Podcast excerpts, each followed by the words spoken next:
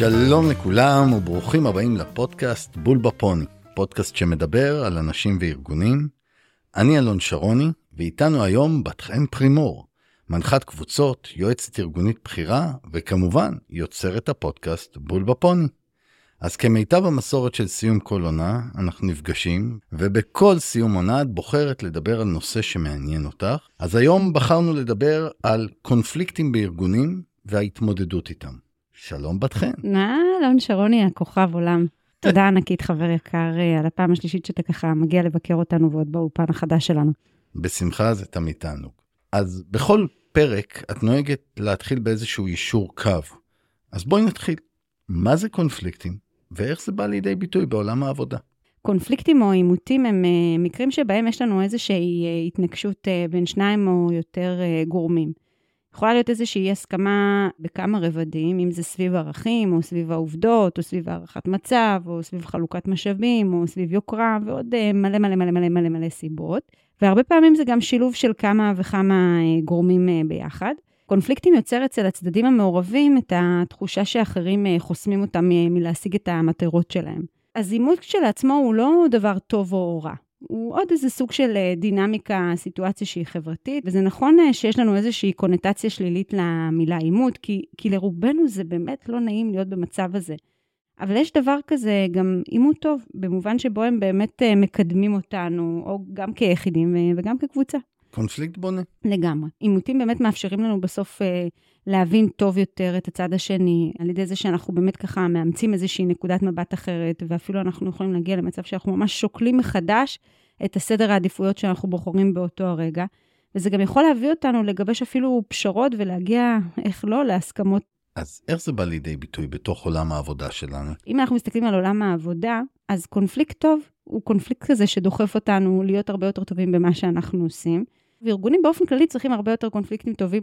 קונפליקטים בסוף שהם קונפליקטים מתונים והם ממוקדים והם נכנסים לארגון ומזרימים יותר אנרגיה.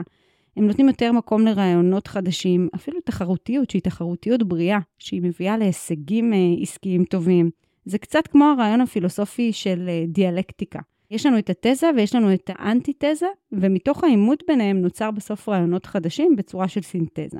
מהצד השני כמובן, יש את הקונפליקטים שהם קונפליקטים רעים, אני, במובן שהם חוטפים יותר זמן יקר בתוך הארגון, המון אנרגיה, אמון שככה מתערער בין אנשים.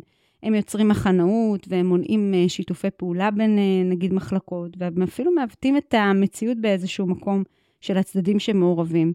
כי בסוף רובנו מאמינים שאנחנו רואים את הנושא בצורה אובייקטיבית ונכונה שאנחנו נמצאים בתוך קונפליקט, ולכן כל מי שיש לו איזושהי אה, דעה אחרת, הוא נראה לנו ממש כבן אדם לא הגיוני בדעות שלו ובכל הספקות שהוא מטיל, או אפילו הוא מוטה, מה שבחודשים האחרונים אוהבים לקרוא לו לדבר מפוזיציה. המציאות שתיארת עכשיו, זה המציאות שאני מכיר אותה כהרבה יותר שכיחה בתוך עולם העבודה. אני מודה, אנחנו הרבה יותר נתקלים באותם קונפליקטים לא בונים, אפילו הרסניים, מאשר בקונפליקטים הבונים. אז למה אנחנו בעצם מגיעים לקונפליקטים? כולנו מגיעים בסוף למקום העבודה עם אה, נקודות אה, מבט וערכים שהם שונים לחלוטין. ועל זה בעבודה אנחנו גם מוסיפים את כל האינטרסים שקיימים בדינמיקה, ויעדים, והתחייבויות, וסדרי עדיפויות, ואיך לא ניסיון עבר שיש לנו עם אנשים, או משהו שאנחנו מרגישים לגביו, ואידיאולוגיות, ועוד ועוד ועוד דברים שככה מוסיפים פילטרים על המציאות שלנו. לא ריאלי לצפות שהבוס שלנו, או חברי הצוות שלנו, או הקולגות שלנו, יראו איתך או איתי עין בעין כל הזמן.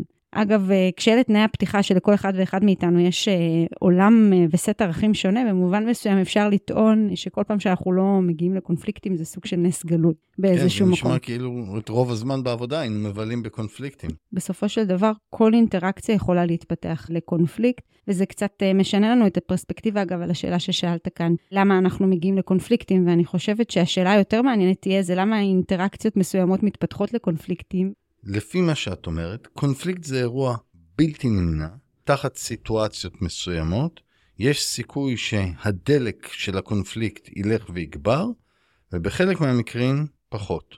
אני לא חושבת שזה בלתי נמנע, כמו שזה דינמיקה או סיטואציה חברתית שיש לה המון גורמים. אגב, חלקם הם אישיותיים וחלקם הם חברתיים, ולכן יש זירות שבהם אנחנו נראה יותר עימותים ויש כאלה שלא.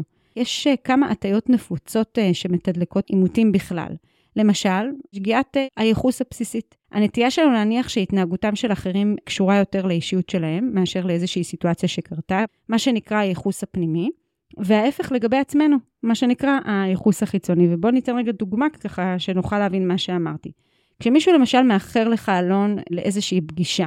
אני אוטומטית אחשוב שיש לו איזשהו דפוס אישיותי שהוא לא מספיק בסטנדרטים שלי. לא רציני.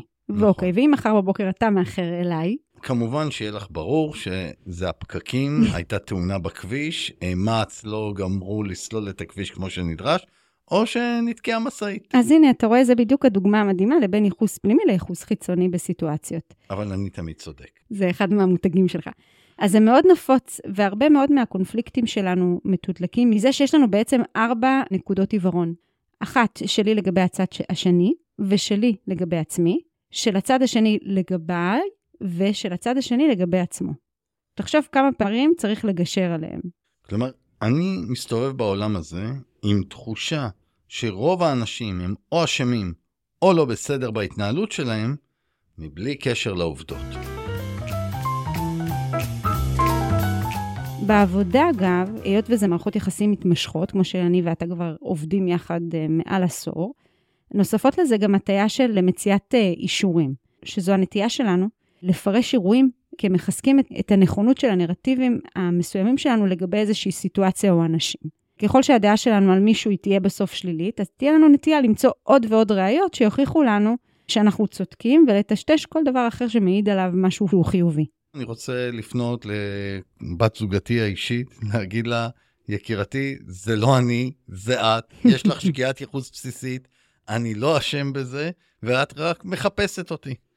אז אם זו ההנחת יסוד שלי, אז כבר הרווחתי היום משהו מההרצאה הזו. אני לא רוצה להסתבך עם שירי, אבל אה, חס אוקיי. וחלילה. אז באמת אלה שתי דוגמאות אה, להטיות שגורמות למצבים מסוימים ככה להתפתח לכדי עימות, ויש אגב עוד המון הטיות. אני מאוד ממליצה בחום לשמוע את פרק 46 של אה, הטיות אה, בקבלת החלטות של דוקטור אה, רותי קינן.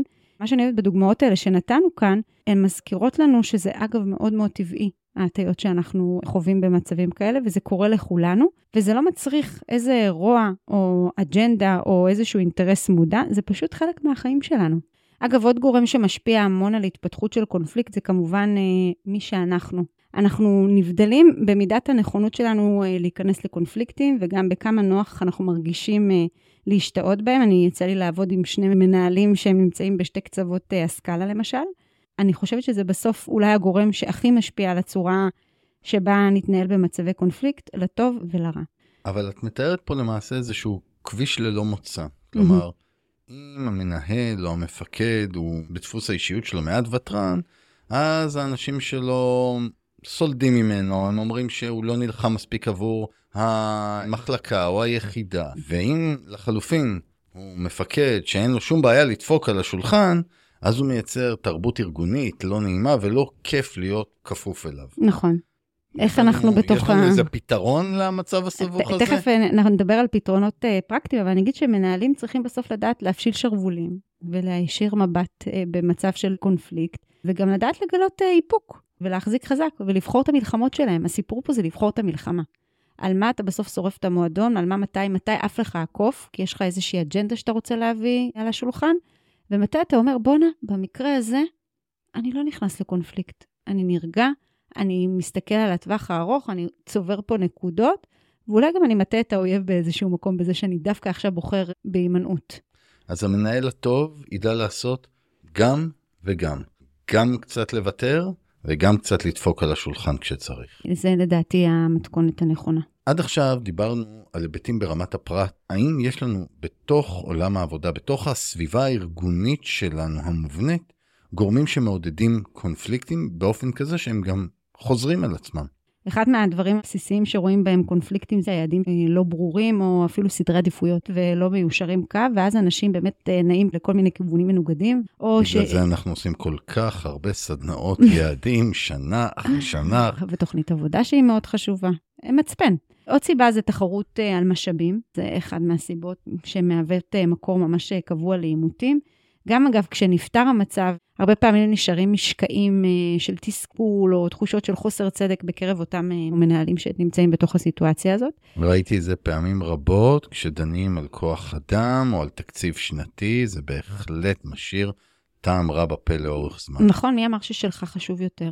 אגב, עוד סיבה זה צורות תקשורת שונות. זה אחד, אגב, מאוד משמעותי שגורם uh, לקונפליקטים בעבודה. אנחנו פשוט לא מבינים אחד את השני, זה קטע. סיבה נוספת זה עומס ולחץ, בעיקר שיש כבר תשתית של מתח uh, בין אנשים ובין צוותים. אם יש לך תחושה כזאת של uh, חוסר איזון בעומס, או שיש צוות אחד שעובד הרבה יותר קשה, זה בכלל חבית נפץ בתוך ארגון. מאבקים היררכיים. של כוח והשפעה, הם גם משחקים אה, תפקיד חשוב בתוך אה, קונפליקט. אגב, בתקופות שככה יש הזדמנויות לקידום על הפרק ויש כמה אנשים שמתמודדים. עוד בולט בארגונים ציבוריים, או בכלל בארגונים גדולים. נכון, והדבר האחרון שאני יכולה להגיד שעמימות לגבי תפקידים ותחומי אחריות, זה כר פורה שלא מאכזב כמקור אה, לקונפליקטים. וזה מצטבר כמובן, כי אם יש לנו איזשהו מאבק היררכי בין שני מנהלים, שמשלב בתוכו גם יעדים לא אחידים ואיזושהי תחרות על משאבים אה, תוך כדי תנועה, אז שיהיה לכולנו בהצלחה. ואנחנו תמיד צריכים לזכור שעימות הוא לא רק בין מנהל א' למנהל ב', אלא הוא גורר גם את כל הכפיפים של אותו מנהל, וביחד יש לנו פה מאבק בין גופים בתוך אותו ארגון. ממש ככה.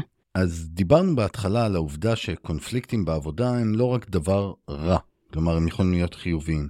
איפה זה פוגש אותנו בשגרה הארגונית השוטפת? שזה הזמן אה, לנפץ פה מיתוס שיש אה, לפעמים למנהלים ומנהלות. ארגון הוא לא מקום שיכולה או צריכה להיות בו הרמוניה. שקט תעשייתי הוא לא must. אני ממש חושבת ככה, כי זה בסדר שנרצה שתהיה איזושהי מידה מסוימת של שלווה ותחושה של זרימה, אבל בלי המתח הזה שנוצר ממפגש של נקודות מבט ועמדות שונות, לא באמת מתאפשרת חדשנות וצמיחה בתוך ארגון, ואני רואה לפעמים ארגונים שנמצאים בסטגנציה אה, או אדישות בתוך ארגון, וזה ממש עצוב. מה שלי אגב עושה ממש הרבה סדר לגבי זה, הוא ההבנה שבסוף אה, לכל קונפליקט יש איזושהי תכלית מסוימת. יש לו איזושהי סיבה והוא צריך להגיע לפתרון אה, בדרך זו או אחרת. לכן אגב, כשאני עובדת עם מנהלים ומנהלות, אנחנו מנסים להסתכל על קונפליקטים שיש להם או בצוות שלהם, קודם כל כהזדמנות, וזה די מעצבן, כי בתוך סיטואציה של קונפליקט, מה אתה עכשיו אה, אומרת היועצת, תסתכל רגע על ההזדמנות, או בוא נלמד מהאירוע. אוי, זה המשפטים הכי מעצבנים שפרקטיקנים בתחום שלנו אומרים. נכון, אבל, אבל אני באמת חושבת שיש כאן הזדמנות לרדת לעומקו של משהו ששנוי במחלוקת, אה, ולהבין את השיקולים השונים שנמצאים כאן, ואז או שאחד הצדדים באמת מצליח לשכנע את הצד השני, שיש הידברות, ובאמת ככה, אני אפילו אוהבת להגיד debate, או שלפחות נדע למי לפנות כדי לקבל מענה לתוך אה, אותו קונפליקט שאף אחד לא מצליח אה, לפתור אותו. בכל מקרה, במצבים כאלה, בפעם הבאה שנצטרך להתמודד עם איזשהו קונפליקט, כבר יש בתוך הארגון הזה איזושהי תשתית טובה יותר של הקשבה הדדית, לייצר איזשהו מרחב בטוח להביא קונפליקט לשולחן. כלומר, שאני בקונפליקט הבא, אני כבר אומר, אוקיי, הייתי פעם בסרט הזה, אני יודע בערך איך הוא נגמר, עכשיו בוא ננווט אותו עם טונים טיפה נמוכים נכון, יותר. נכון, נכון, אני גם, אני גם חייבת להגיד שאני חושבת שאחד מהדברים שצריך לזכור בקונפליקטים בדינמיקה של צוות או בתוך, בתוך עולם העבודה, זה שקונפליקט זה לא סיטואציה של fight or flight. שתי האפשרויות האלה הן רעות באותה עמידה, אלון, הן חוסמות התמודדות אמיצה עם שורש של קונפליקט. בסדר? כשאנחנו שומעים מלא צעקות וריבים, או שאנשים קפואים במקום, או שבאמת בורחים ונמנעים, זה לא באמת פותר. ולכן הן מונעות את היכולת לפתור באמת לרווחת כל הצדדים ולטובת כל הארגון. הדגש החשוב כאן הוא לא לטאטא דברים מתחת לשטיח ולחשוב שאין בעיות. הן מצטברות ואז הן מתפרצות במכה.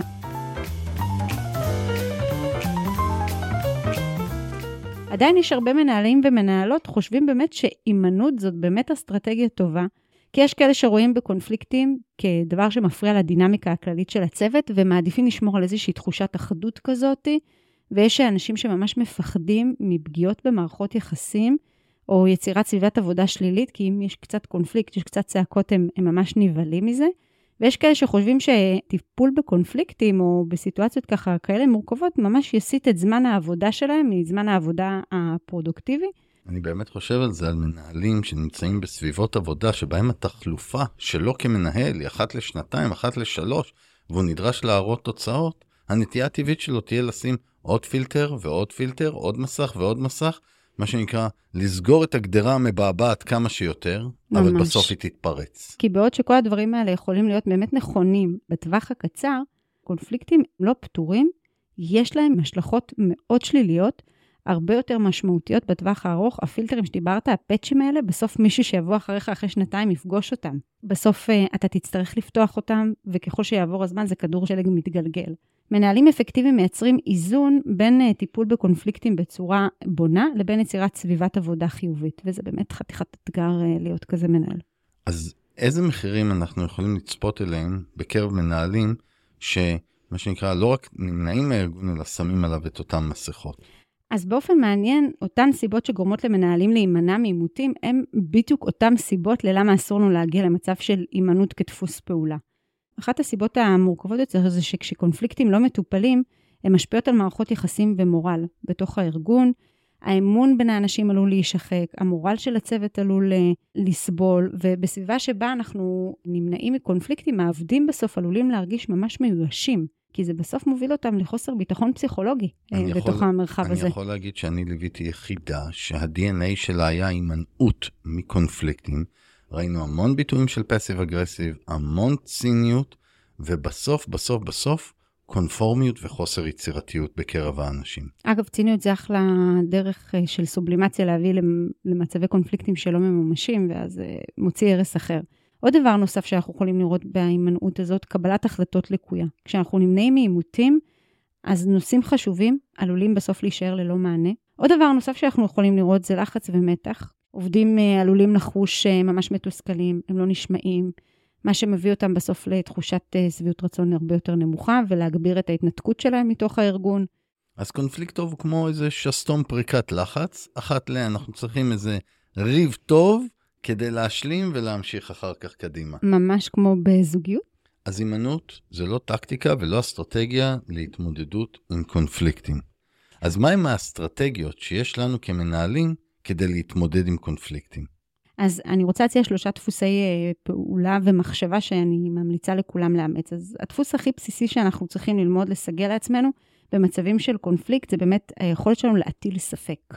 לקבל את האפשרות שנקודת המבט שלנו היא מוטה, או אולי לא שלמה, רחמנא ליצלן, או היא נשענת על עובדות שהן לא נכונות, או ד', כל התשובות נכונות במקרה הזה. ואנחנו צריכים ללמוד לאתגר קודם כל את עצמנו על ידי זה שנדע לשאול את השאלות האלה. איך אני יודעת שמה שאני מאמינה בו זה באמת נכון? ומה אם אני טועה, ואולי הנחתי הנחות לגבי המצב הזה ולגבי הצד השני, או איך מישהו עם הערכים אה, וחוויות אה, שונות יראה את הדבר הזה שאני רואה אותו פה. הסיפור פה זה דפוס המחשבה. כל הזמן להזכיר לעצמנו שההשקפה שלנו היא בדיוק זה, היא ההשקפה שלנו. זה באמת בסדר, ואפשר ורצוי להיעזר במישהו שאנחנו סומכים עליו, מנטור, יועץ, קולגה, בן זוג, מישהו בעולם שלכם שתמיד יחזיק את הדיאדרנד. זה כל כך כל כך חשוב. הדפוס הנוסף שאני ממליצה עליו הוא הישות השלישית, שאני מאוד אוהבת אותה. הרבה פעמים, בטח בשלב שיש לנו איזשהו עימות וכבר נהיה קצת יותר אישי, אנחנו מתמקדים בצד השני ובאופי שלו, וזה מסיח מהעובדה שיש גורמים שהם מערכתיים, שמשפיעים על הסיטואציה. אם זה תקנות ארגוניות, או שיקולים של תקציבים, או יעדים מנוגדים שדיברנו על כל הסיבות האלה לפני כן.